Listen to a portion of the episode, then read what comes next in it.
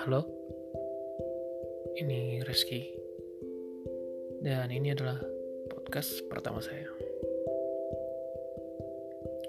Kenapa saya membuat podcast? Kenapa ya? Ya, rasanya untuk coba berbagi pikiran, berbagi mindset yang mungkin bisa bermanfaat bagi teman-teman yang mendengarkan ini.